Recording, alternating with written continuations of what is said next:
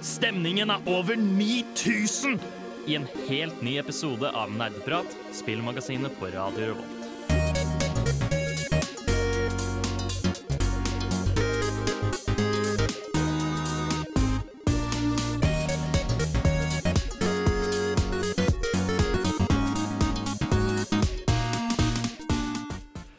Hei og hjertelig velkommen tilbake til en ny episode med Nerdeprat. Vi er tilbake i studio nok en gang. Vi tar ikke ferie. Det er nemlig påskeferie nå. Men vi fortsetter. Vi skal ha sending. Det skal nerdes, og det skal prates. Og i anledningen så skal jo vi snakke da om Easter eggs, for å ikke mikses For ikke blandes med påskeegg, som eh, på en måte er den samme tingen, men ikke i det hele tatt. Um, mitt navn er Håkon, jeg er programleder. Med meg i studio så har vi Oksana. Bård. Tai. Tai. Eh, den samme gamle gjengen, vår kjære, vakre, flotte nerdegjeng. Pst, hører du det? Monster! Svette! Lan! Databrus! Det er nerdeprat i sitt naturlige habitat. Nerdeprat er i sitt naturlige habitat når vi snakker om videospill, og det skal vi naturligvis gjøre nå i starten, når vi snakker om hva vi har gjort siden sist. Ja. Um, og jeg tenker at jeg skal åpne eh, denne gangen, fordi jeg har nemlig endelig eh, fullført Elden Ring. 100% eller sånn nesten 100 Altså eller? ikke jeg, jeg, har gjort, jeg har fått den vanskeligste endingen. Jeg har tatt alle hovedbossene. Og jeg har eh, spilt eh, ganske mye og fått veldig mange av de forskjellige tinga. Så det er eh, Ja, hva skal man si? Det er imponerende, vil jeg si. Ja. Er du forsynt? Ja, ja, ja, ja, ja, jeg, Er du jeg er mett ganske sikker nå? på det. Ja. Um, fordi 120, 120 timer for ett videospill syns jeg er uh, fryktelig lenge. Mm. Og mm, Ja, nei. Um, det, det, er- det er et par questlines og slikt som jeg ikke fikk gjort i det hele tatt, fordi jeg hadde drept feil boss til feil tid, så jeg vurderte å spille gjennom for å bare gjøre disse. Og likevel så syns du ikke spillet er for langt. Nei, faktisk ikke. Ja, men, det, men altså, herregud. Um, jeg snakker hele tida om hele denne souls uh, Souls-forbannelsen, eller hva man skal si. Som bare innebærer at så fort du spiller et Souls-spill, så har du ikke lyst til å spille noe annet i ditt liv noen gang. Ja. Um, og det er derfor jeg for eksempel har spilt gjennom uh, Dark Souls 1 og 3 og Bloodborne og alt sånt der tre ganger minst hver. Jeg, jeg kjenner igjen følelsen, men jeg tror også det er mulighet at det kan bli for mye av det gode.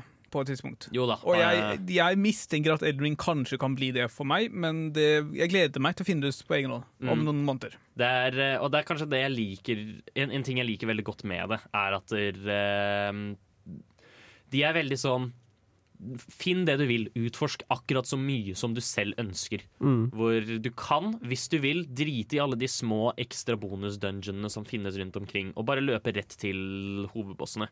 Og det går fint. Du vil kanskje få det litt vanskeligere pga. levels og slik, men du kan det hvis Ja, du har lyst. Og så slipper du å kjempe mot Misbegotten Knight fem ganger. Misbegotten Warrior. Ja. Ja.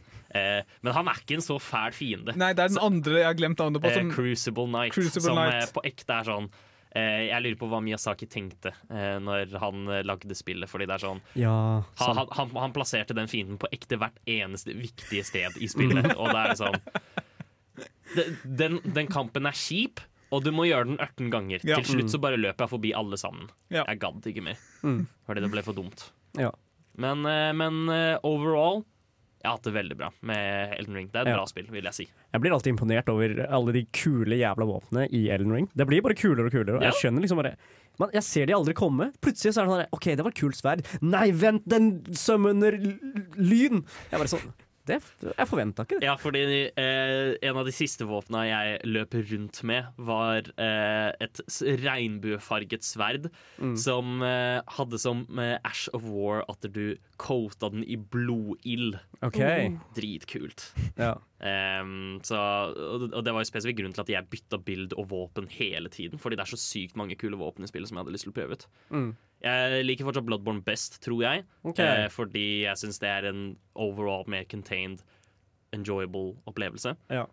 Um, som også føles mer fullført ut tematisk. Mm. Nå skal det også sies at Elden Ring har en utrolig god historie Ja, av det man forstår. Mm. Uh, men Bloodborne er fortsatt kongen, for Ja. min egen del. Ja, man legger merke til at George hadde putta lillefingeren sin i historien til eh, Elden Ring, Ja. Mm, Det er imponerende. definitivt. Oksana? Ja.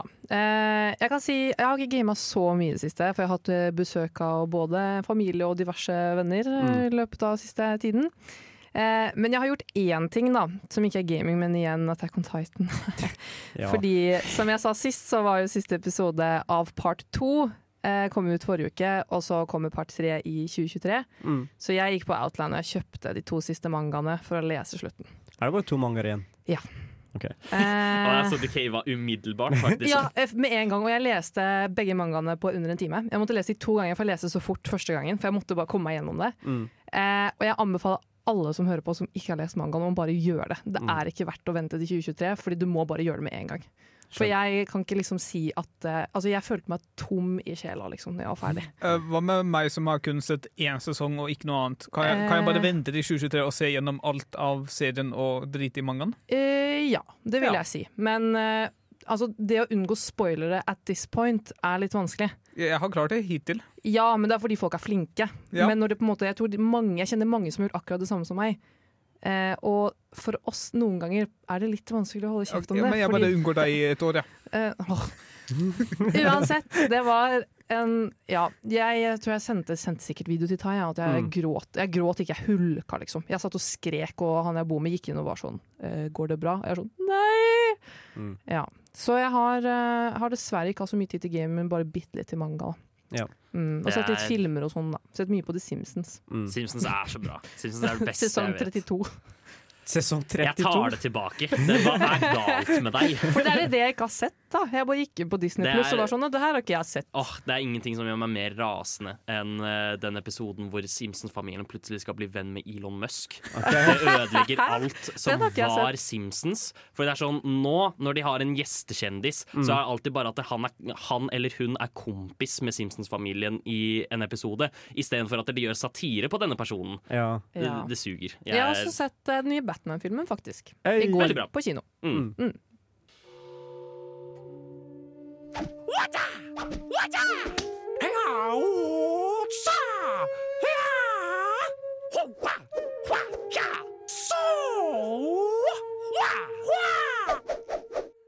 Nerdeprat. Vi fortsetter eh, innsjekksrunden, og vi går videre til Bård. Ja, Uh, I dag så hadde jeg faktisk litt lyst til å spille noe annet enn Lost Ark. Oi. Oi. Men så hadde Hvem allerede, er jeg allerede begynt å spille Lost Ark og endte med å gjøre så mye forskjellig. Lost Ark, og det, det, det skjedde ikke. Der har vi Bård. Gode, gamle Bård. Men jeg hadde, jeg hadde planer om å enten spille den nye utvidelsen til Outer Wilds Mm. eller Children of Morta, men ja, Ja. det blir nok mest sannsynlig neste uke. Har du Mm, fortsatt mm. ikke spilt Echoes of the Eye? Nei. Det burde du. Jeg Ja, jeg, jeg vet. Men begynner du ikke å bli mett? Mett. Jo, men så kommer det også en oppdatering mest sannsynlig om to dager, eller når denne sendingen blir sendt på lufta, og da er jeg kanskje ikke mett lenger. Men uh, jo, Mm. jeg, jeg nærmer meg. Mm. I hvert fall sånn type ikke spille så mye, men heller spille andre ting. Ja. Uh, men jeg kan jo si litt kort om det jeg faktisk har gjort, fordi siden forrige sending så har jeg gjort uh, det vanskeligste raidet i spillet. I hvert fall første fase av det. Mm. Veldig, veldig gøy. Jeg skal bare si det. Det, Mm. altså, det er ikke så annerledes fra andre ting foreløpig. Jeg vet Mm. at de andre fasene kan være litt vanskeligere, men designet på det er helt fantastisk. Altså, I mange andre spill så har du liksom indikator på hva, hvor det er farlig å stå, for eksempel, eh, som er helt vanlig. De er f.eks. røde eller blå eller sånne ting. I denne spesifikke kampen så er de fa faktisk ganske estetisk pene å se på. Mm. Type Alle spillerne får enten måne eller sol rundt seg, og så må du så kommer det på bakken da først for på innsiden er sol, og så på utsiden er måne. Og så må du stå på den der hvor, som tilsvarer din Ah, ja. greie. Mm. Okay. Men eh, er det sånn flere party raid, eller er det sånn Åtte spillere, så to grupper på fire. Ja. Det er litt kult, altså. Det er utrolig kult. Og Mm. det er liksom, du får en skikkelig mestringsfølelse når du vet at alle timer ting riktig Mm. og sånt. Ja, Hva med Garden Beast, da? Uh, jeg, de er ikke så like mye å snakke om, okay. egentlig. Så det, men det, det er liksom ikke like essensielt for å farme lenger, eller? Jo, men de er også helt utrolig kjedelige å gjøre i mange Ja, okay. ganger. Ja, siden du, du hitter sikkert en cap, så må du drepe samme Garden Beast om igjen. Ja. ja jævlig Men kjedelig. altså, for å si det sånn, den seneste jeg kommer til, er faktisk gøy å kjempe mot. Ja. De to tidligere var ikke så veldig gøy, men Mm. allikevel, det tar litt på å gjøre de to ganger daglig i mange uker. Ja, skjønner. Den skjønner jeg. Ikke verst. Mm. Tai? Jeg har uh, blitt en sjakkmester. OK. Jeg, Ra roast the ranks. jeg, har, uh, jeg har klatret og climbet og uh, buldret meg opp sjakkstigen. Så nå er jeg ikke en 450 ILO scrub lenger. Nå er jeg en 621 ILO scrub. Oi! Oi, oi, oi. Så jeg har brutt meg gjennom 600 ILO-sealingen. Så jeg har gått fra å suge totalt til å suge litt. Ikke verst. Så uh, vær beæret. Dere står blant en, sjekk, en sjakk-shitkid. Nei, vet da faen. jeg. Hva Eh, vil du, hvilken rank er dette? Liksom? Er det sølv, eller er det bronse, eller er det uh, det er wood pluss. Okay. Mm. Uff. Ja, det var ja. jo Eh, Bronse en er- vakker dag, tenker jeg. Ja, det er uh, Det er framgang. Det er Det framgang, er altså. det, faktisk. Det betyr nå at jeg kan Jeg vet hvordan alle brikkene beveger seg, og jeg husker hvordan de beveger.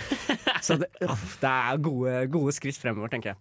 Ikke verst. Um, Annet enn det, jeg har spilt en ny liten, uh, en liten eh, indie-game som heter Backpack Heroes, som jeg viste dere litt Ja. av i går. Eh, kjempegøy lite indie-game som kommer til Early Access på Steam etter hvert. Men foreløpig kan du spille det på itch.io-siden til The Jaspel. De gjør en veldig stor greie ut av uh, ryggsekken, da. Ja. Den titulære backpacken. Mm. Um, og på en måte hvor, ja, hvor det gjør inventory management egentlig til en ganske stor del av Ja, så, så det er liksom ikke en irriterende del av spillet. Det er hele spillet. Det Ja. er, eh, det er mekanikken, da. Og det virker søtt Veldig søtt. og kult med Early Access, som er gratis til alle. Mm, definitivt. Det, det liker vi. Nerdenytt.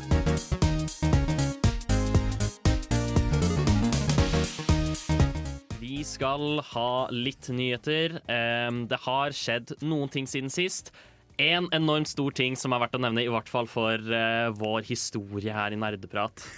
Eh, og da eh, kanskje, kanskje i hovedsak min historie, Ja, det er, jeg tror det er kun du som egentlig bryr deg om det. Eh, Nei, jeg jeg vet, jeg vet ikke om jeg ville si at jeg bryr meg engang. Eller, okay. eller ikke på den gode måten, men altså Kingdom Hearts 4 da, Mm. har blitt annonsert. Først så vil jeg si dette var veldig mye tidligere enn jeg forventet. Det er bare tre år siden Kingdom Hearts 3. Ja. Eh, og Kingdom Hearts har tendensen til å være sånn Ja, de nummererte titlene skal uh, komme åtte år mellom hverandre. ja, OK. Så jeg hadde egentlig forventet å ikke se en annonsering til dette før i sånn 2025. Ja, men faen, ass. Jeg, jeg forventa ikke en Kingdom Hearts. Mm. Det, det, det kom faktisk fra ingen, eh, ingen sted, liksom. Men eh, jeg er glad for at det kommer mer Kingdom Hearts. Ja, og det er sånn Og veldig mange er litt sånn forvirret av traileren Mm. som har kommet ut. Og det er, eh, for, å- for å forklare det på den letteste måten Sora, etter eh, tingene som skjer i Kingdom Hearts 3, befinner seg i byen Quadratum, Mm. som er en ekte verden, men samtidig en fiktiv verden i Toy Story-verdenen i Kingdom Hearts 3. OK? Og han havner der fordi han gjenoppliver alle vennene sine. Av en eller annen grunn Jeg, klar, jeg vet egentlig ikke hvorfor han er der, men, men nå er han der, og nå er han plutselig realistisk. Mm. Eh, han har ikke lenger overdreven store føtter, som irriterer meg litt. Ehm, ja. Har har de, de har gitt noen indikasjoner på om du fortsatt skal besøke Disney-verdener? ja, fordi på slutten av traileren så ser du at Donald og Langbein går rundt. De leter etter Sora i et sånn skyggebelagt område, og så får du høre og se det som mest sannsynlig er Hades fra Hercules-serien. Hey. Mm. Um, I tillegg så var det noen par eh, shots i traileren som hinter sterkt til at vi kommer til å få en Star Wars-verden. Oh, shit. Ja. Som er kult, fordi det, det, det, det gir jo så åpenbar mening at Sora liksom får en keyblade som bare er et lasersverd. Mm. Det, det, det, er, det er så selvsagt. Men nå har jeg kanskje et dumt spørsmål til deg, Håkon, men brydde folk seg egentlig om Kingdom Hearts 3? Fordi jeg Og- føler det kom og gikk. Mye, alt for mye. Eh, folk brydde seg altfor mye om det. Eh, og rett og slett fordi det spillet det suger. Jeg er ikke noe glad i Kingdom Hearts 3. fordi jeg føler det kom og gikk sånn på under en måned. Ja. Ingen snakk om det. Det, er, eh, det har veldig kjedelig combat sammenlignet med de andre spillene i serien. Mm. Eh, I tillegg så oppsum, oppfyller det historien de har bygd opp på hva var det, 18 år eller noe sånt. Mm. Utrolig lite tilfredsstillende. Okay. Um, sånn at alle disse storylines alle arcs de har bygd opp, bare er sånn Ja, nå er det løst. Mm. Så tror du dette blir et nytt forsøk på Kingdom Hearts 3 som folk egentlig ikke likte? Eller Nei, fordi de, er, de, de skal videre på en ny story arc nå. Det her er en ny saga. Men jeg mente sånn type For å komme litt med i godhjørnet til spillerne, hvis folk ja, sånn egentlig sett, ja. ikke likte Ja, treeren. det, er, det er mulig. Eh, jeg håper så lenge en, en av de største tinga med Kingdom Hearts 3 som irriterte meg, er at du får alle disse promptsa, som er sånn hvis du trykker trekant, så gjør du et spesielt angrep. Og halvparten av disse var at du gjør Disneyland-karuseller Ja. og angriper folk med det. Så for eksempel, å, det er sånn Å, nå spinner du i tekoppen. Eh, og, så, og så har du en quicktime-event hvor du spinner i tekoppen, og da dreper du alle fiendene rundt deg. Og det var det kjedeligste tingen i verden. Så så lenge de bare kutter ut det, så blir det et uendelig mye bedre spill Ja. allerede da. Ja. Men herregud, traileren hadde jo fuckings parkour! Ja, men det har Åh. Kingdom Hearts uansett. Nei, men Har du hatt det fra før? Ja. What the fuck? Har jeg ikke Altså, De hadde det ikke eneren, for å si det sånn. de, har, de hadde i hvert fall i Kingdom Hearts 3. Det var en av de kulere aspektene med spillet. Ja. Men, Men parkouren så jævlig fett ut. Jeg tar jo det med eneren tilbake i sånn PlayStation 2-æraen. Ja. And your point being, Bård At det ikke er sammenlignbart med 2022. Nei, sant. Men det er spennende å se hva mer som kommer til å skje med Kingdom Hearts 4. Det, Ja. det eksisterer i hvert fall, og det gjør meg litt miserabel, fordi jeg kommer til å måtte spille igjen. Ja, Kjenner jeg deg rett, så kommer du til å spille igjen. Ja. Altfor fort, til og med. Ja. Men uh, Håkon, jeg som likte veldig godt Kingdom Hearts 2, tror jeg, da jeg spilte det, kanskje Ja. jeg spilte den igjen også, uh, burde jeg spille gjennom spillene? Er de verdt liksom Kingdom Hearts 1 og Kingdom Hearts 2 er bra. Ja. Og jeg skal under tvil si Birth by Sleep også. Mhm. Um, men det er det eneste. Men må man spille eneren og toeren for å forstå fireren? Du må forstå alle spillene for å forstå alle. OK. Ja. Ja. Så det er um, for meg som hoppet inn i Kingdom Hearts 3 uten å ha spilt uh, 358 dager over to eller Chain by Memories eller um, uh, Birth by Sleep eller noen av disse tingene, eller Dream Drop Distance Mm. uh, eller eh, Birth by Sleep og Fragmentary Passage. Alle disse spillene. da. Jeg hadde ikke spilt noen av de, så jeg forsto jo ingenting av Kingdom Hearts 3 før etter jeg hadde lest meg opp på det. Ja, En lettere måte å tenke på det, Oksane, er at du Man forstår ikke Kingdom Hearts. OK. Ja, men det er fint. Jeg vil Ja. Jeg, jeg, Man, hvis du har lyst til å forstå Kingdom Hearts, så søker du opp en YouTube-video Ja. av noen som har gjort altfor mye research. selv da er det helt umulig å forstå, Ja. faktisk. Mm. Tror jeg hitter opp Håkon, jeg. Ja. Å, helvete! Jeg må forte meg! Det er en ny episode av Nerdeprat. Det kan jeg ikke gå glipp av.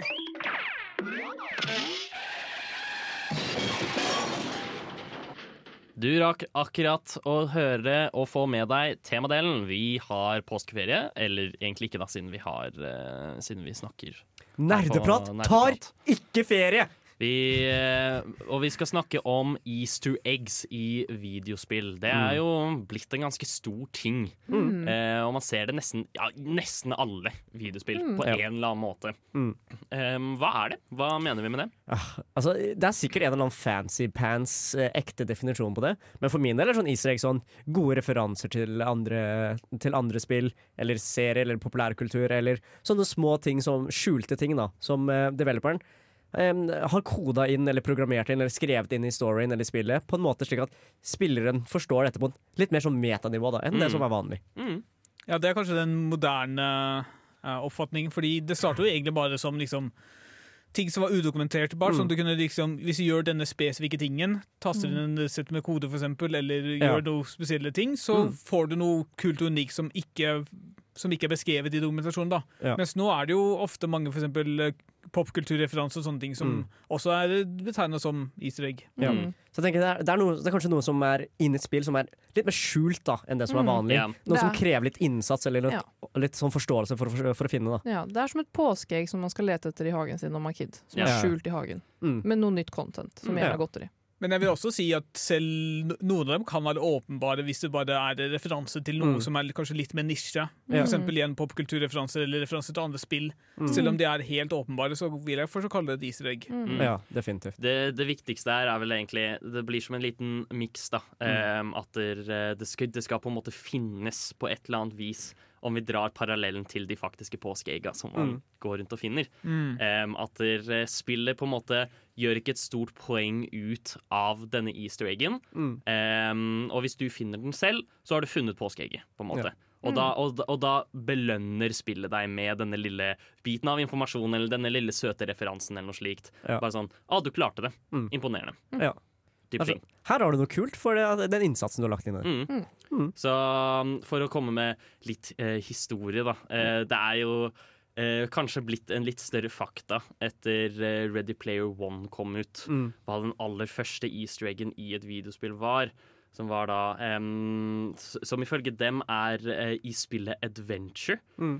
hvor jeg tror, Det var vel noe spesifikt Det er et hemmelig rom du kan finne hvor du finner signaturen til han som har laget spillet. Mm. Uh, hvor det står noe sånn 'Created by Warren Robinett', Mm. eller noe slikt.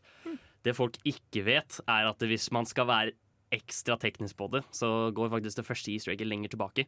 Til 1973, til spillet Moonlander. Okay. Som var uh, en, en rekke Man kaller det videospill, fordi per se så er det var det ment som videospill hvor du på en måte simulerer månelandingen. Mm. Um, og hvis du klarer Og jeg husker ikke helt hvordan det var, men det er spesifikke krav du kan fylle. Så kan du lande på en annen måne som har en McDonald's på seg. Oi! Det, det er veldig gøy. Ja, så, og det, det var bare en ting de programmerte inn i denne simulasjonen for gøy. ja. Kan du bestille mat og liksom spise det og Nei, jeg, jeg tror ikke det. Jeg Nei. tror den bare er der. OK. Um, denne ble senere fjernet. Så det er én Ah. spesifikk utgave av Moonlander som har denne. Og det er utgaven fra 1973. Ja. Som vil si at den er ekstra godt gjemt. Ja. Jeg skal si at eh, Hvis jeg kjenner eh, gaming-communityen godt, så koster den der utgaven sikkert fuckings flesk. Ja. Mm. Mm. Men uh, det eksempelet illustrerer også egentlig veldig veldig godt hva vi mener med easter eggs. Og det er rett og slett at denne McDonald's bare står på månen. Mm. Spillet anerkjenner den ikke før du finner den. Ja. Eh, og du blir på en måte Du får denne lille gøyale referansen til den virkelige verden. Mm. Denne lille gøyale vitsen, eller hva man skal si. Og igjen McDonald's på månen. Så merkelig det er. Men det var jo sikkert ikke så urealistisk i, liksom, på 70-tallet. Liksom. Ja, vi skal åpenbart eksplodere til månen, og Sånn åpenbart blir det ja. McDonald's ja, at der. det var litt drømmende. eh, tanke om at der, eh, ah, hvis vi kan reise til månen, bare forestill deg om 20 år, Mm. når, vi, når vi reiser til Mars og koloniserer oss der. Mm. Ja. Ja, men uh, se på oss nå. Uansett. Det er eh, Og så ned, nedtur. Men ja, det, det, det er poenget, da. Den, den easter eggen illustrerer veldig godt. Og i Mm. dag så skal vi da altså snakke om eh, de forskjellige typer easter eggene. Så vi skal gå mer inn på de, de større easter eggene, de mest kjente. Vi må selvsagt snakke om Konami-koden. Mm. Um, og så skal vi snakke litt om eh, hvorfor det er kult, og hvorfor det er en så stor greie. Og kanskje litt om hvordan man finner dem. Fy faen. Fy faen. Yumi, ass. Hva, hva faen er det som Å, fy! Å, å, fy faen! Åh! Jeg hater dette drittspillet! Tihi, hør på nerdeprat. Mjau. Du hører faktisk på Nerdeprat akkurat nå, hvem skulle trodd. Vi snakker om easter eggs, og vi skal gå innom den første typen easter eggs vi skal snakke om. Og det er eh, hva skal man si, skjulte objekter eller beskjeder eller områder Mm. I eh, de forskjellige spillene. Hva, hva tenker vi på her spesifikt? Det er sånn øh, Jeg har et godt eksempel, godt eksempel. Jeg har et eksempel er sånn derre øh, Jeg husker i Halo så var det et eller annet sånn dritlite mål. Sånn skikkelig langt unna, som var gjemt i en random busk i skogen. Og så Hvis du sto og sikta på, fra en veldig rar vinkel med en sniper, så kunne du se trynet av utvikleren. Jeg, jeg husker ikke spesifikt hva det var bilde av, men det er, sånn, det bare en jævla gøy ting, liten ting bare hjemme i spillet sitt. da Mm. Så folk har noe å lete etter. det var Bare sånn, der, hvis du kjeder deg som faen og begynner å lete i skogen, så finner du noe. Ja. Her spesifikt er det nettopp denne med eh, at utviklerne gir deg en liten nod fordi Mm. du gadd å bry deg til å utforske dette området her. Ja. Eh, så, sånn som eh, er veld, veldig vanlig en her, eh, som veldig mange vet om det er ganske kjent easter egg, er rett og slett at når du skal gå inn til prinsessen i The Legend of Zelda Ocarina of Time, så kan du stirre inn, inn i vinduene, inn i slottet, og der finner du malerier av Mario og Åh. Luigi og slikt fra Mario 64. Mm. Så det har ingen funksjon annet enn at de som legger merke til det, blir sånn Ah, OK, det er gøy! Det, det er i hovedsak det. Det er i hovedsak grunnen til at den er der. Det er bare en sånn liten nice surprise når du ikke forventer det. Mm. Det er sånn Når du går inn i et Zelda-spill, det første jeg tenker på, er ikke Oi, shit, jeg lurer på om Mario eksisterer i dette universet. Mm. Men nei, han er der, på et eller annet vis. Ja. Det finnes også andre eksempler som eh, kan belønne deg på litt annen måte. Mm. Om du tar Batman Arkham City, Ja. så er det et eh, Når du slåss mot uh, Raz Al Ghul Mm. i det området, rett etter du har slåss mot den, så er det én scene du kun kan se når du med en gang du har slått han, Mm. eh, som er at du finner Killer Croc, som egentlig ikke er i spillet som en boss. Og så sier noen, veksler han ut noen ord og er sånn derre jeg, kjenner, jeg lukter at du er syk, type ting. Og det, er sånn, det, det legger ikke til noe ekstra i historien, eller noe slikt. Det er bare en sånn Du gadd å utforske dette området, Ja. derfor får du denne lille scenen. Men vent da, Den kommer etter å ha drept Rasal Ghul, så du dreper han ikke alltid? Eller Hæ? hvor, hvor- hvordan er det belønning hvis du må drepe Rasal Ghul for Nei, det er bare altså du, du, Det er ett spesifikt punkt i historien. OK. Eh, altså, det er jo Du har jo en rekke bosser du skal gjennom i spillet. Mm. og, når du har slått, og det er kun mellom den bossen og en annen boss Ja, så du kan, kan- du gå et spes Ja, Så kan du gå et spes sted i kloakken og finne Killer Croc. Ja. Og mm, ja. Så, det, så da er det bare lagt til der for de som fant det tilfeldigvis. Ja. Men det er litt gøy, da. Mm. Bare vite at ja, men jeg, jeg, jeg føler egentlig det, det bidrar egentlig veldig til spillopplevelsen sånn på et metanivå. Her Ja. er vi på metaen igjen. Men uh, det er sånn, jeg føler at jeg ofte utforsker spill mer grundig når jeg vet at jeg kanskje finner et easter egg. Mm. Og det, og det er det jeg også liker så veldig godt med det, Fordi det gir deg ikke nødvendigvis en konkret belønning Mm. eh, sånn, som du kan bruke i spillet, Ja. men det gir spilleren opp en unik opplevelse da, som ikke nødvendigvis alle må ha fått. Mm. Spesifikt. Og det, det, disse her er jo et eksempel på det. Det er veldig mange som har spilt gjennom Arkham City uten å se den scenen, f.eks. Nå er den easter eggen blitt ganske kjent, Ja. men da spillet kom ut, så var jo det helt unikt. Altså, For meg så hørtes det nesten ut som bare noen har implementert det feil, sånn at det kun kan trigges i dette spesifikke tingen, men at det egentlig så skulle gjøres når som helst. Nei, det er fordi du får ikke tilgang til den delen av kloakken etter et visst punkt. Ah. Som vil si at du må gjøre det da, spesifikt. Så det, ikke, det, var- det var ikke en feil. Nei. Um, ja, det, er, det er to easter eggs til jeg har lyst til å kaste ut her. Den første er uh, i GTA 4. Så har du denne frihetsgudinnen Mm. uh, som bare ja, står i Vice City, er det vel. Mm. Og hvis du går Hvis du finner veien inn, så kan du finne et levende, dunkende hjerte i midten av eh, statuen. det er jævlig kult. Ja, det igjen ingen funksjon. Mm. Bare er der. liksom sånn Ja, se, se på dette kule området her, som Ja. eh, du valgte å utforske fordi du hadde lyst. Mm. Og den siste er eh, Totaka Song, Ja. som er eh, Det er en eh, komponør, eller komponist, Komponist. komponist som eh, heter Totaka, eh, som komponerer for flere Nintendo-spill. Og han har tendensen av og til til å bare legge inn en skjult melodi Mm. i hver eneste hver eneste spill han komponerer for. Mm. Så for eksempel i Luigi's Mansion, når du går tilbake til professoren med liksom alle spøkelsene du har fanget og slikt, Mm. om du sitter på re- resultatscreenen i over tre minutter, så bare spiller den melodien av, Mm. og så går det tilbake til å spille den vanlige musikken. Ja. Det, det er samme melodi i alle spillene? Ja. Så Ja. vil si at hvis du kjenner den igjen, så mm, vet du at du har funnet den, på en måte. Mm. Hvis du har funnet den ett sted, så funnet, mm, kan du finne den et annet sted. Men det er sånn hidden in plain sight i så fall. Mm. Fordi jeg kan sitte på liksom, den loading screen i tre minutter mens jeg holder på med noe, mm. og så kommer den melodien på, men jeg legger ikke nødvendigvis merke til at dette er, en easter, dette er et easter egg. Mm. Og det er, jeg, jeg syns det også er gøy, fordi det er sånn Det for eksempel er en Mm. easter egg folk mest sannsynlig bare har funnet ved en tilfeldighet. Mm. Hvor de bare har sittet Latt den stå der mens de har, for eksempel, har gått og hentet seg noe annet. Kanskje de venter på noe annet. Mm. Og så plutselig så bare spiller den av, og så er det sånn Hva er dette for noe? Ja. Hvorfor spiller det dette av? Men, men er den så annerledes enn eh, liksom, Er den så, såpass distinkt at jeg bare er sånn Oi, shit, det var noe rart med denne.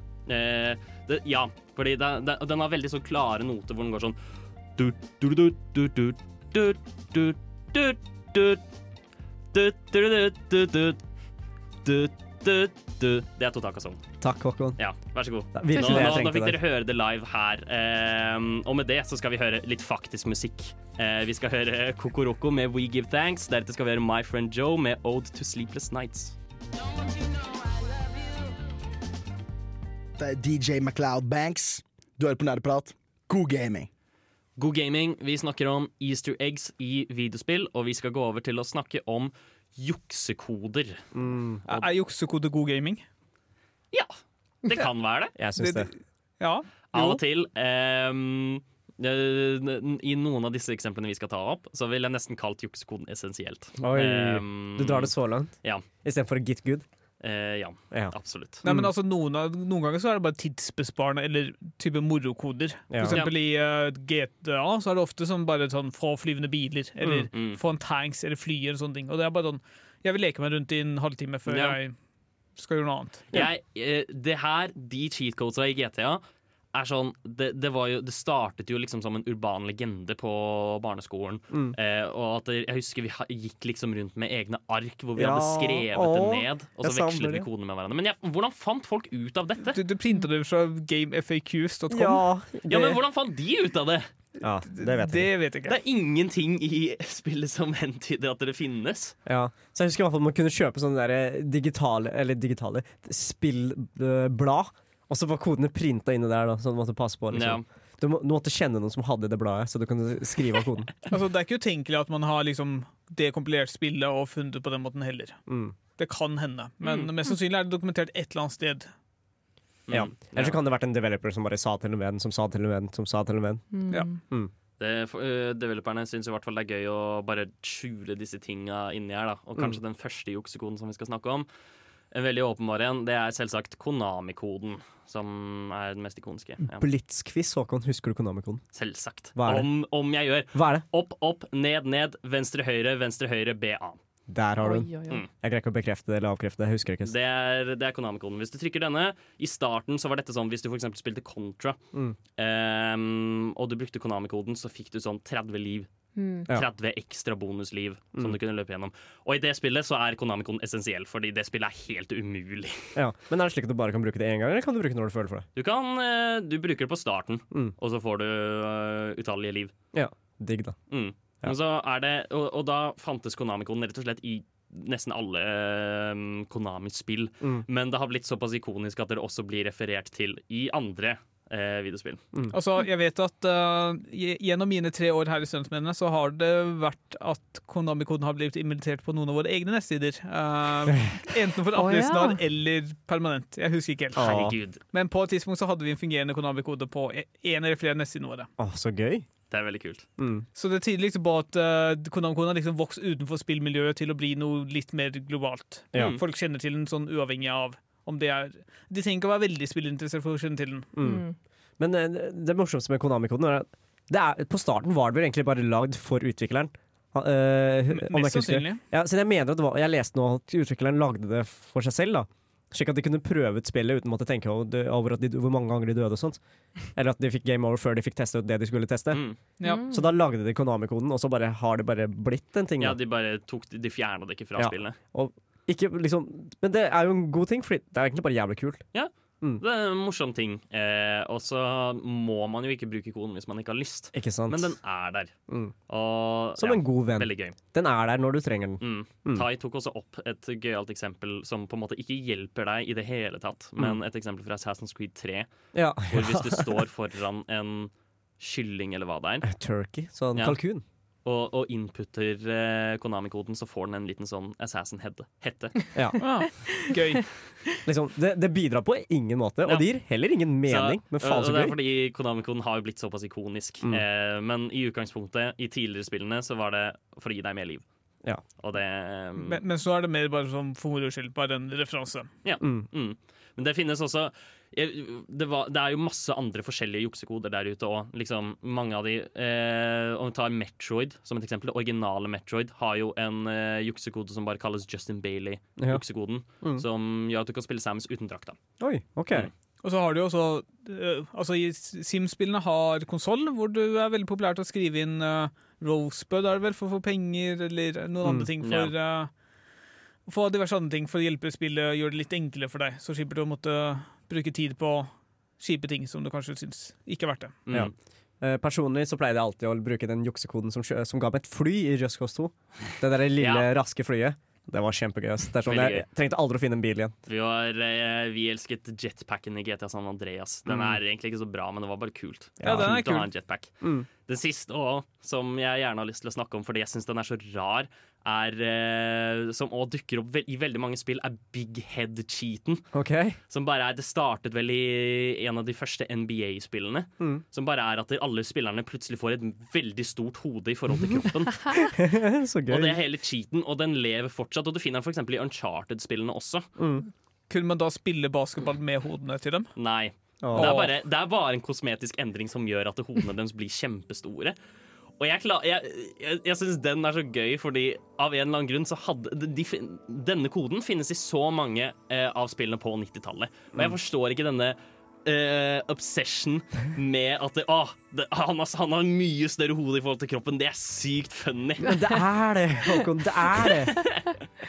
Jeg vet ikke om jeg er enig. Mm. Men, men juksekoden, da, for å oppsummere, er bare en ekstra liten ting de har lagt inn Mm. eh, for å enten hjelpe spillerne eller bare gjøre spillet litt gøyere eller mer tullete på et eller annet vis. Ja. Så det er et gjentagende tema tenker jeg, på juksekoder, at, eller på juksekoder på easter eggs. At det handler ikke om å gjøre noe spesielt i spillet. Det handler bare om at dette skal være gøy, både for utvikleren og for deg. Mm, nettopp. Referanser er den neste typen easter egg vi skal snakke om. Og det er jo Det sier jo seg selv litt. At der, eh, av og til så liker videospill å bare skjule et par referanser til f.eks. andre videospill Mm. eller eh, popkultur eller kanskje utviklere eller noe Mm. slikt Ja. eh, inni spillene sine. Mm. Bare på gøy. Jeg føler i de nyere formene av easter egg, da, så er referanser det mest brukte, føler jeg. Ja.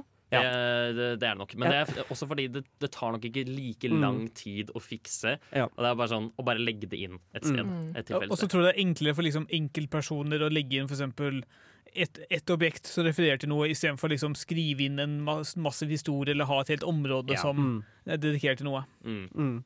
det er nettopp det. Eh, vi kan starte med et lite eksempel. Mm. I Terraria for eksempel, så kan du få deg en eh, outfit som er grønn, med et lite sånn derre en sånn fem prikker på i trynet, som ser ut som en creeper. Ja. Så det, straight up bare en sånn creeper-outfit. Liten uh, nod til uh, Doom Nei da. til Minecraft, Ja, det da. er cute. Ja da. Ehm, bare ja, en liten referanse. Hei, altså De spillene er jo i tema nesten litt beslektet eh, Mm. med hverandre. Definitivt. Så, så det, det, det gir jo mening at de kanskje også har en liten nod til hverandre. Mm. Hvis vi fortsetter ned uh, ruten av sånn type spill, Ja. så har også Skyrim en referanse til utvikleren av Minecraft, Mm. Notch. Mm. Um, hvor hvis du går på toppen av High Hrothgar, er det vel? Mm. Det høyeste fjellet i hele Skyrim. Så kan du finne en pickaxe som står på toppen, Ja. som heter Notched pickaxe. Mm. Mm. Som er en referanse til Ja. Notch. The Notch. Utvikleren. Ja, og det skjønte jo selvfølgelig ikke jeg da Nei. Når jeg spilte det. Men det Jeg tenkte det var et engelsk ord jeg ikke visste hva betydde. Mm. Men Notch har også forsvunnet fra offentligheten etter at han solgte seg ut av Mojang eller noe Mm. sånt, Ja. og er generelt et jævlig menneske. Så Ja. det er jo godt forståelig at man ikke tar den nå lenger. Mm. Nei. Det er like så greit. Ja. Mm.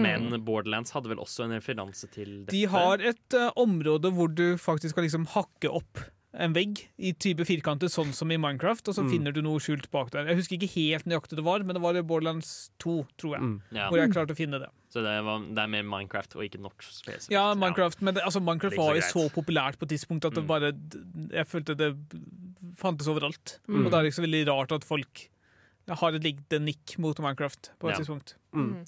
Men uh, hvordan skal vi skille mellom uh, crossovers og, eh, og eh, liksom referanse i easter eggs? Altså, jeg vil si at en crossover har litt er, er litt større, for det første, men også da er det anerkjent på begge sider. Ja. så å ha et lite nikk mot en type, en, et objekt eller noe sånt, er Ja. Ja. Jeg ville for eksempel heller ikke kalt det eh, en referanse hvis eh, Mortal Kombat har en eh, filmkarakter som Ja, en av de sant. spillbare karakterene. Ja. Da er det bare Da er det mer en crossover. Mm. Det er en Mm. gjesteopptreden. Ja. Uh, det, er ikke, det er ikke noe du Det er ikke på en måte skjult i spillet, og du har Mm. ikke funnet det på noe vis. Ja. Mm. Så det er en liten kunst til å være en referanse, altså. Ja. Ja. Så det skal være litt sånn subtilt og gi et lite nikk da, istedenfor å slå det i trynet ditt at hei!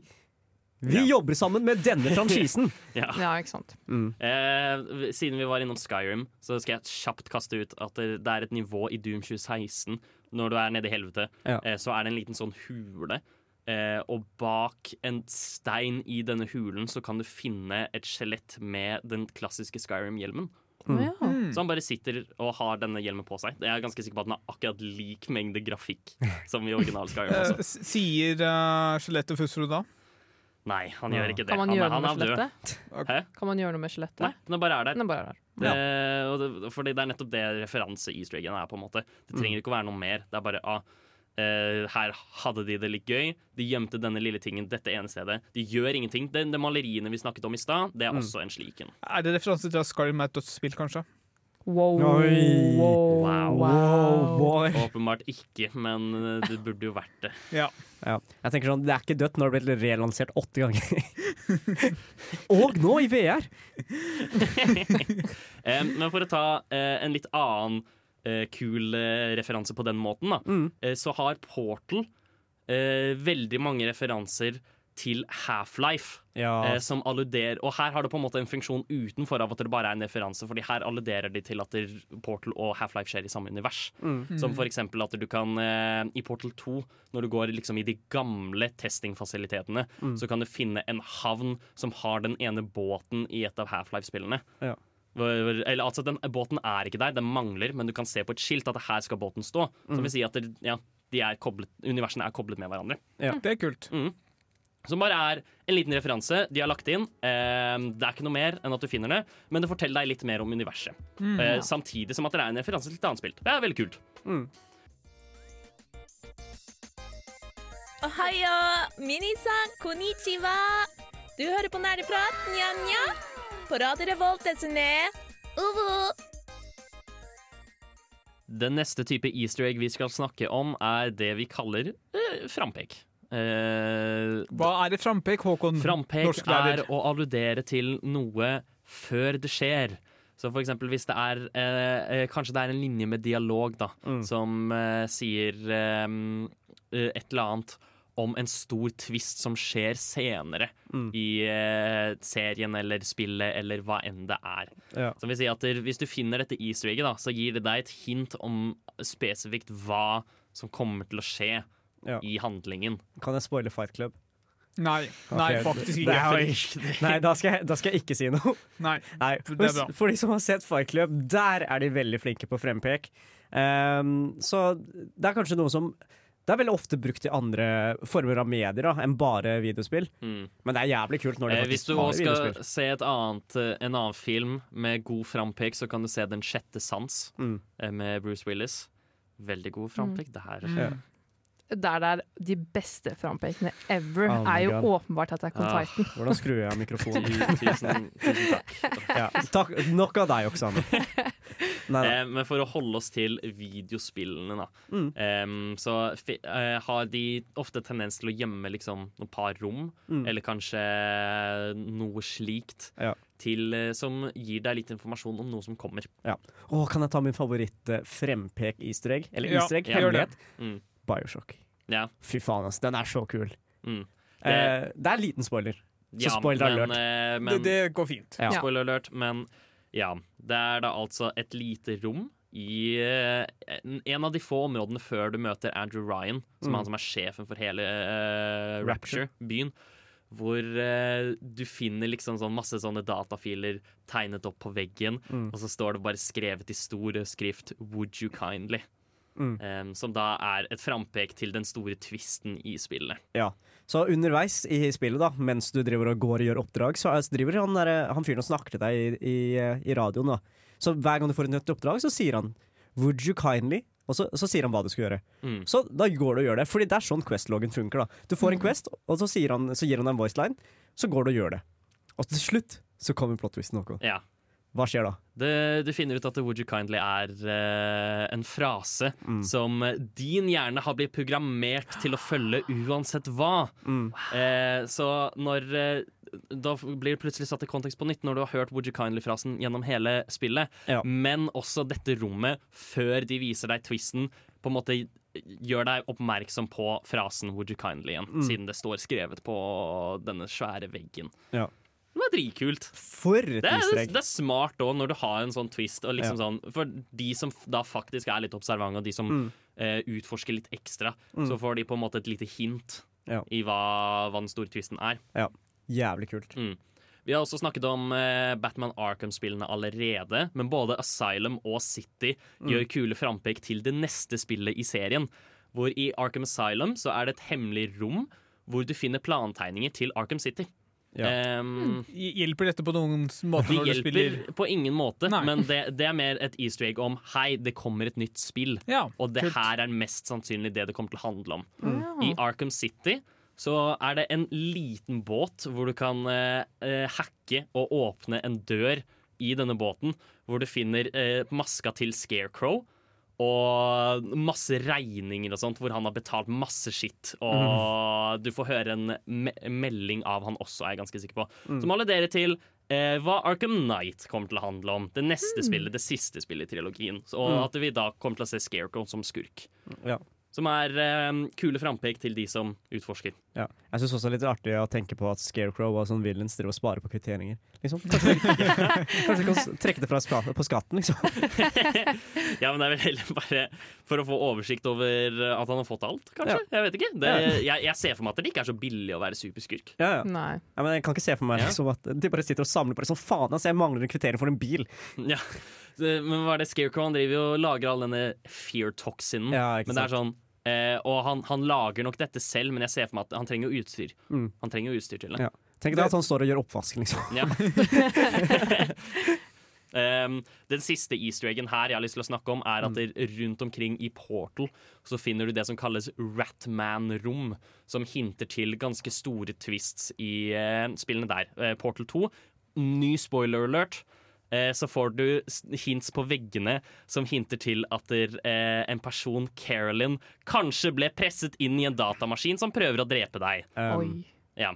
Hmm. Så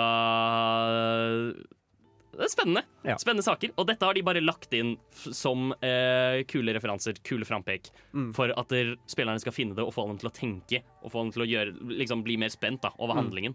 Og det, jeg, jeg syns det er kule easter eggs. Ja.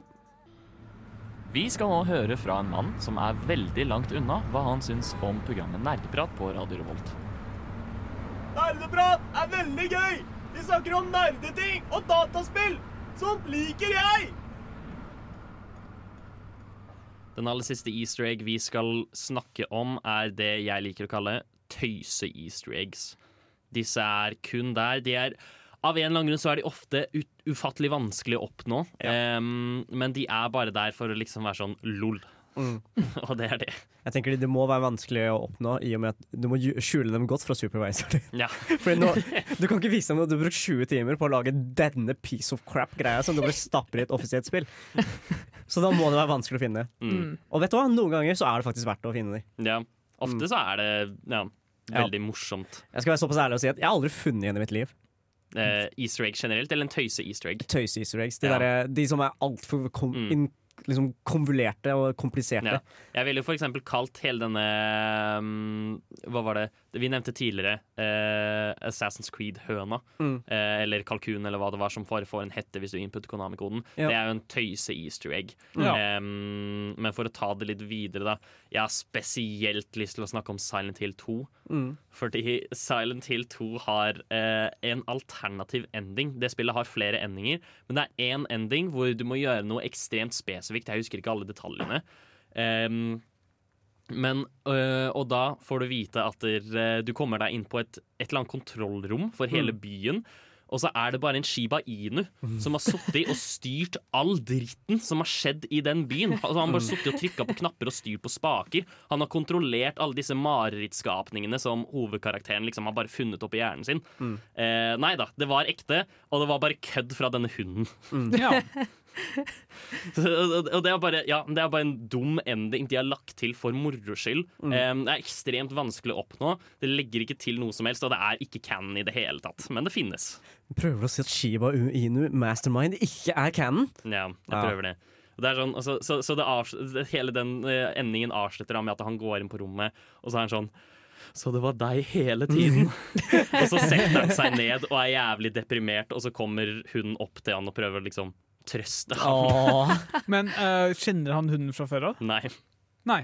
Det er bare, han, han bare øh, er oppmerksom på at det, det var bare kødd. Ja, men hvordan, hvordan faen reagerer du til det? Liksom At hele livet ditt blir kontrollert av en hund?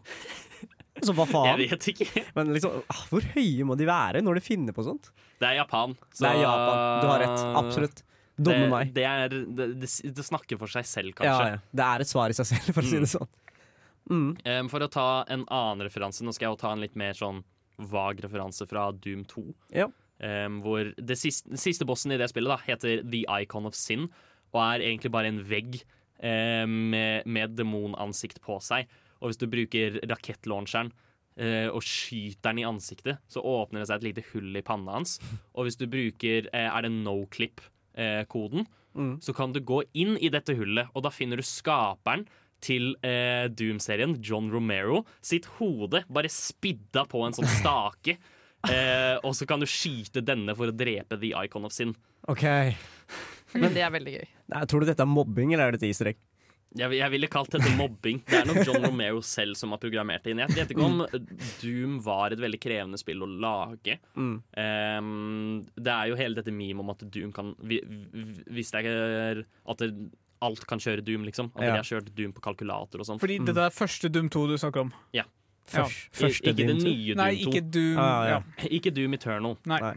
men Doom 2 til eh, den gamle PC-en. Ja. Det er alltid gøy når du kan kjøre Doom 2 på en fuckings toaster. Ja. Tror du det er et easter egg? Bare sånn, jeg programmerte det så effektivt at du kan kjøre på hva faen du vil. Oh my god. Uh, vet du hva, Det følger ikke helt temaet, men jeg tar det allikevel. Jeg så en video av at noen la, spilte Doom 2 på fuckings graviditetstest. Ja. Hæ? ja. Digital graviditetstest. Doom 2. Eller Doom 2, sier jeg. Doom. Hva faen, Aha, liksom? det må vi gjøre. Jeg vet ikke hvordan eller hva eller hvorfor, men det har skjedd, og det er en greie som nå Ja. eksisterer. Det er Ja. faen meg Det er reality canon. Hvor, Jeg vet ikke, Håkon. Jeg vet ikke, hva, altså, hva er det som driver noen til å fuckings programmere Doom på en graviditetstest? Dedikasjon? I, I don't know. det er imponerende, vil jeg si. Ja, det er en virkelighets-easter egg. Ja. Det, er- det, det er en liten virkelighets-easter egg. Ja.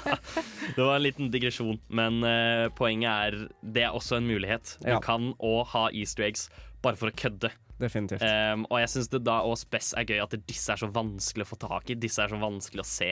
Men de finnes. De har lagt dem til deg fordi de syns det var morsomt. Ha-ha, du aktiverte nettopp mitt trap card. Nå er du nødt til å høre på nerdeprat til episoden er ferdig. Nani?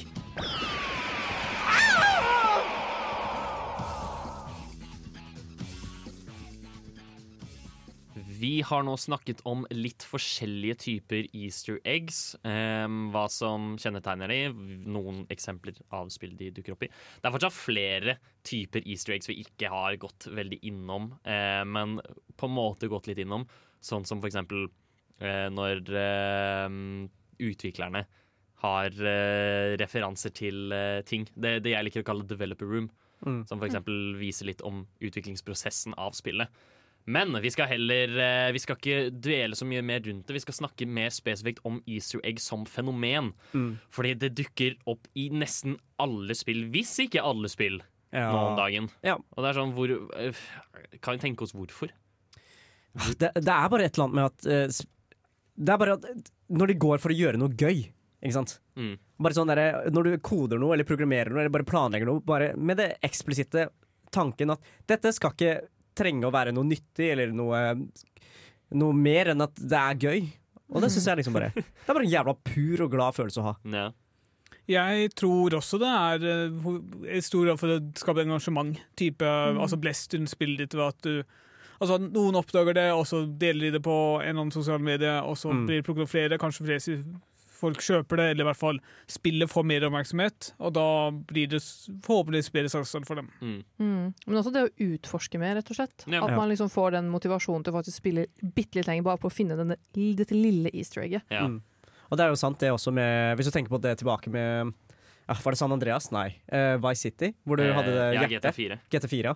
Um, hvor kult hadde ikke det vært på den tida? eh, jeg bare sånn Shit, Håkon, se hva jeg fant! Så, kom Ja. jeg, så kom, får jeg det med bort til meg, og så viser jeg det liksom hjertet. Ja. Og så er det sånn Wow, shit, jeg visste ikke at det Ja. var her! Og da får du liksom bare, eh, bare immediately det kule inntrykket av Ja. spillet, ikke sant? Det er sånn du får med folk hjem.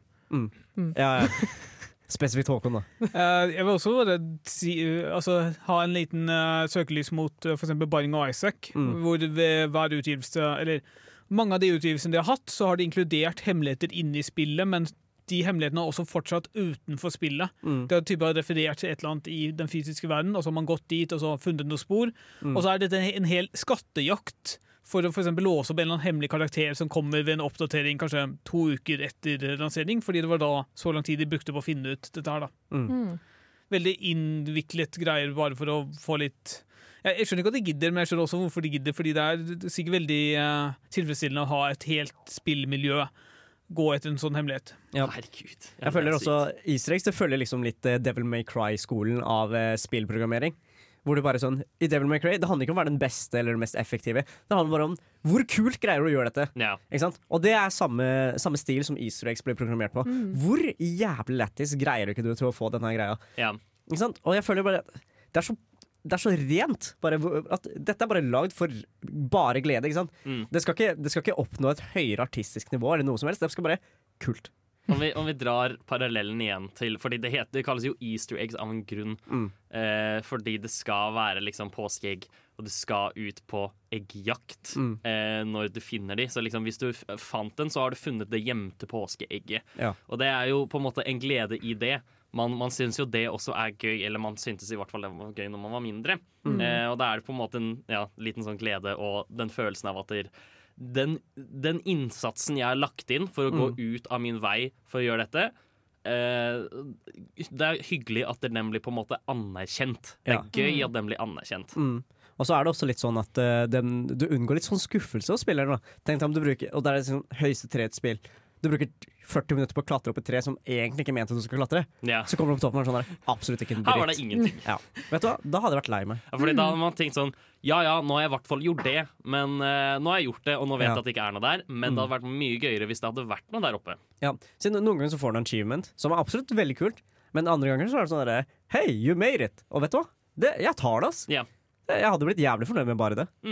Det, det, det blir i hvert fall anerkjent. Ja. At det liksom sånn er, jeg, fikk en, jeg fikk denne beskjeden spesifikt fordi jeg gjorde dette som Hvor jeg gikk ut av min vei til å gjøre dette. Ja. Det er bare en sånn veldig direkte kommunikasjonskanal mellom deg og Mm. Liksom. Ikke, som, ikke som ordentlig utvikler, men som bare sånn som person. da. Mm. Jeg har lyst til å ta videre den tråden eh, Bård snakket om, om at det på en måte er en fin måte å skape engasjement rundt spillene. Men også spesifikt, eh, om du tar de frampekene jeg snakket om med Batman Arkham der, eh, Hvis du finner de hemmelige rommene, da, så skaper jo det hype for det neste spillet.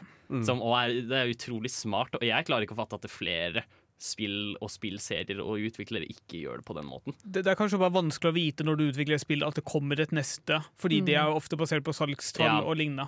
Det, her er det jo trippel A-spill som på en måte mest sannsynlig får en oppfølger. Som fulgte en Ja. veldig populær filmserie. Ja, ikke sant? Mm. Så da er det ikke noe på en måte å undre om.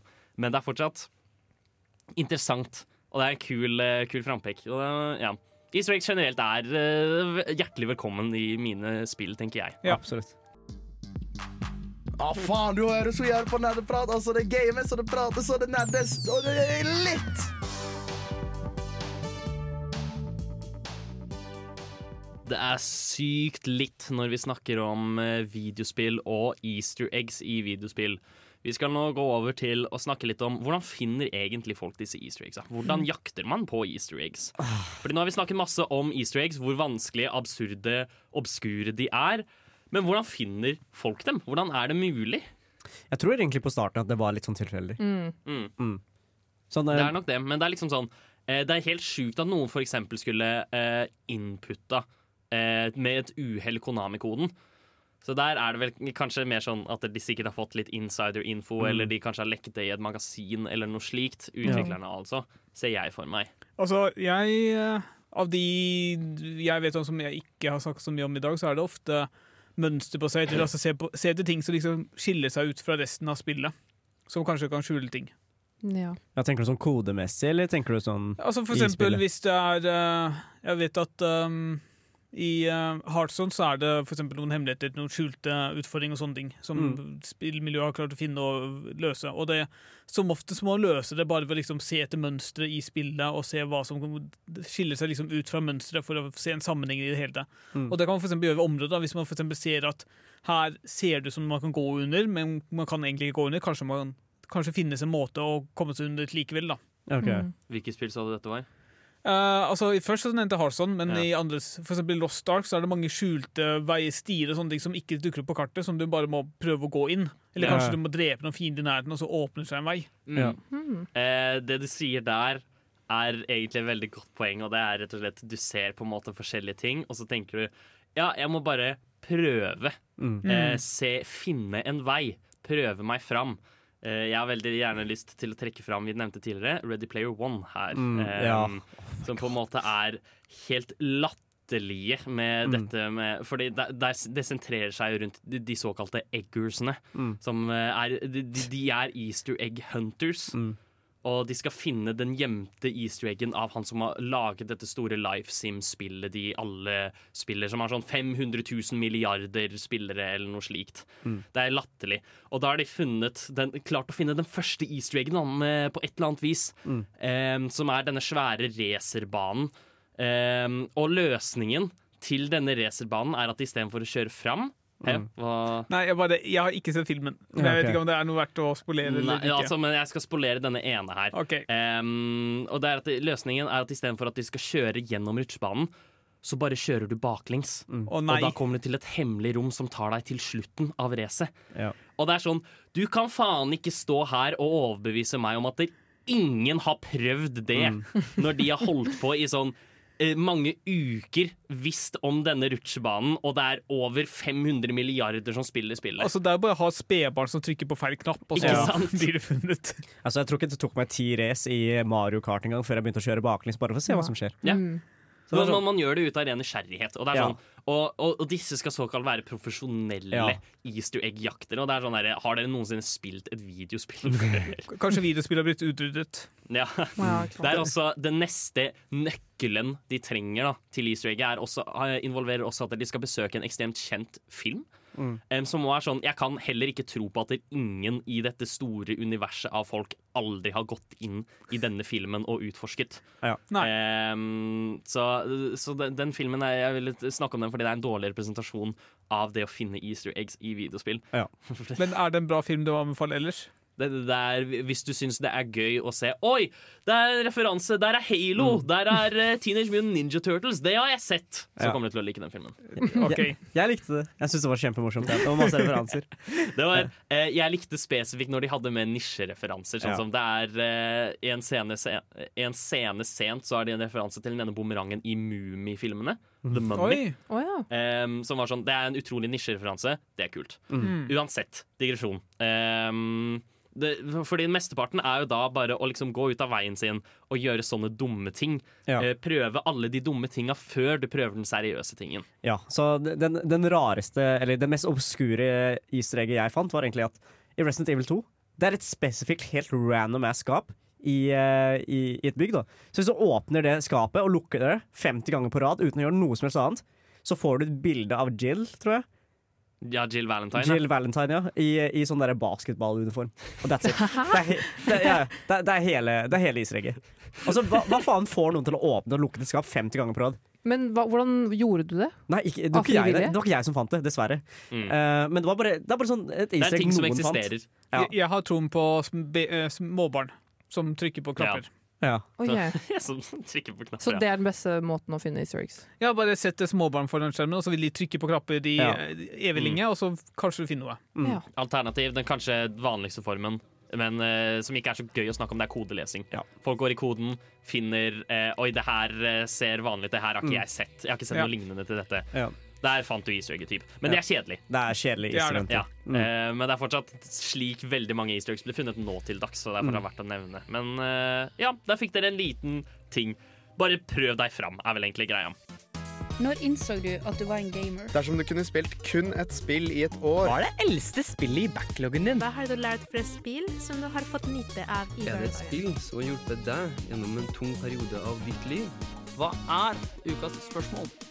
Vi gjør det ganske lett denne uka her. Vi har snakket masse om forskjellige typer easter eggs. Så vi skal bare spørre hva er ditt favoritt-easter egg? Ja, kan jeg få lov å starte? Du skal få lov til å starte det, Tai. Solid Snake versus The End. Ja. Ja, for en kul easter egg. Har du lyst til å utdype hva det går ut på? Nei. Nei da. I Solid Snake så en av disse ja, En av bossene, i hvert fall, heter jo The End. Og han er sånn gammel sniperfyr. OK. Eh, og, Han er liksom den beste sniperen Yeah. i verden. Men han er Mhm. veldig gammel, da, dessverre. Mm. Så da er egentlig easter egg at du kan enten fighte han som en jævla ekte badass fyr, eller så kan du ta en solid snake. Og da, du, da skrur du på spillet, og så, så, eller, så, da, så endrer du tiden en Mm. uke, eller så lar du den stå en uke, tror jeg. Det funker òg. Ja, hvis du skrur av spillet, og det går en uke før du slåss mot han igjen, eventuelt kan du skru klokka fram en uke, Mm. så har han bare dødd av alderdom. Yeah. Ok. Så det er sånn, en av bossene bare sånn der, Han bare dør, liksom, fordi Ja. han er gammel. Ja. Så, så, så det er bare eh, Og det er fordi han er Altså, du ser han tidligere i spillet hvor han blir kjørt rundt i rullestol flere steder og sånn. Du kan Mm. faktisk drepe han der. Nei, kan du? Ja. Så du kan drepe han enda tidligere enn selve bossfighten. Ok. Um, hvor ja, du ser han på et tidspunkt bli rulla med rullestol, og hvis du skyter en sånn eksplosiv idet han går forbi den, så bare sprenger han og dør umiddelbart. Ehm, Mm. Og det er, eh, det er veldig mye sånne gøyale ting i Ja. Metal Gear-spillene spesifikt. Mm. Um, men The End sin, jeg er enig. Den Ja. er veldig bra. Den er dritkul. Mm. Ha, har noen av dere Jeg har en litt mer utradisjonell uh, en. Okay. Uh, det er en spillserie som heter Magica, Mm. utviklet av noen uh, svensker.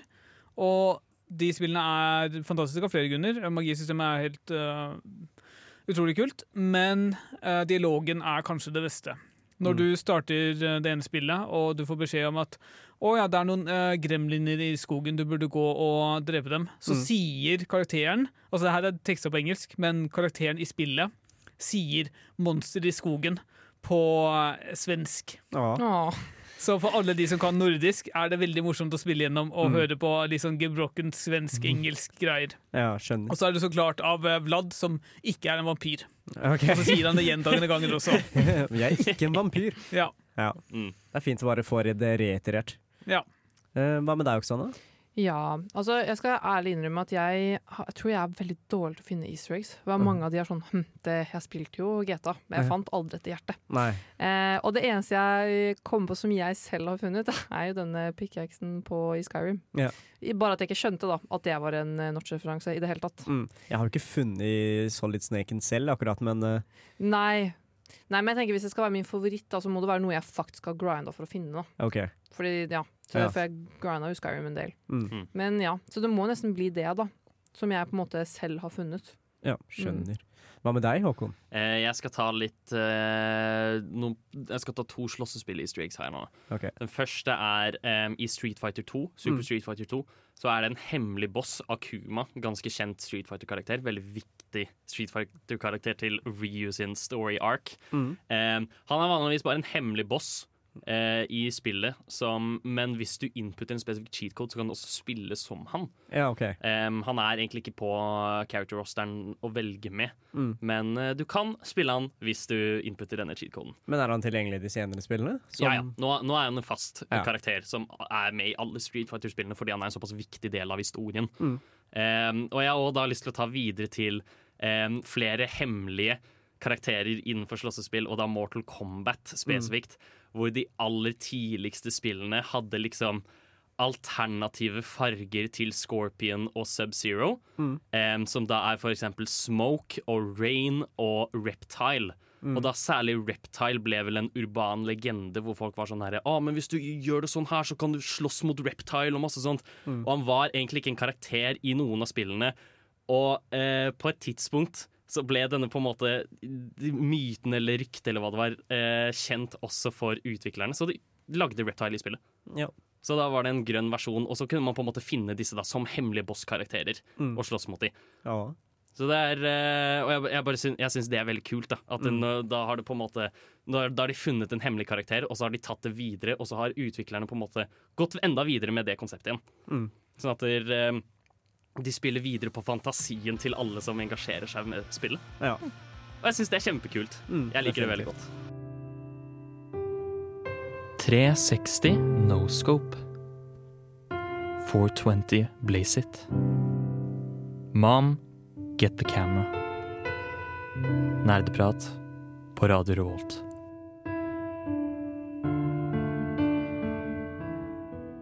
Nerdprat er på Radio Revolt, men eh, ikke så mye lenger for i dag. Vi er ferdig.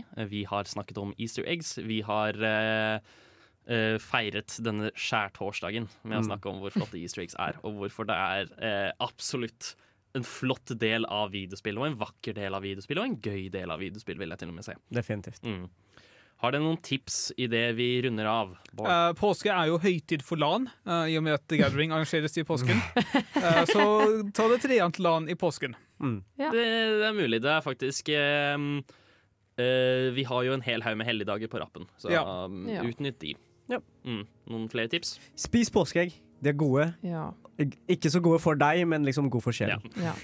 Kos deg, spis game. Kos deg, game, repeat. Eh, hør på musikk. Vi skal nå høre Jenny Wahl med The Revolution Will Not Be Owned. Ha det bra. Ha det!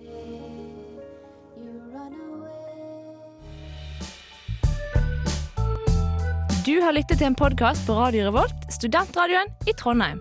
Sjekk ut flere programmer på radiorevolt.no.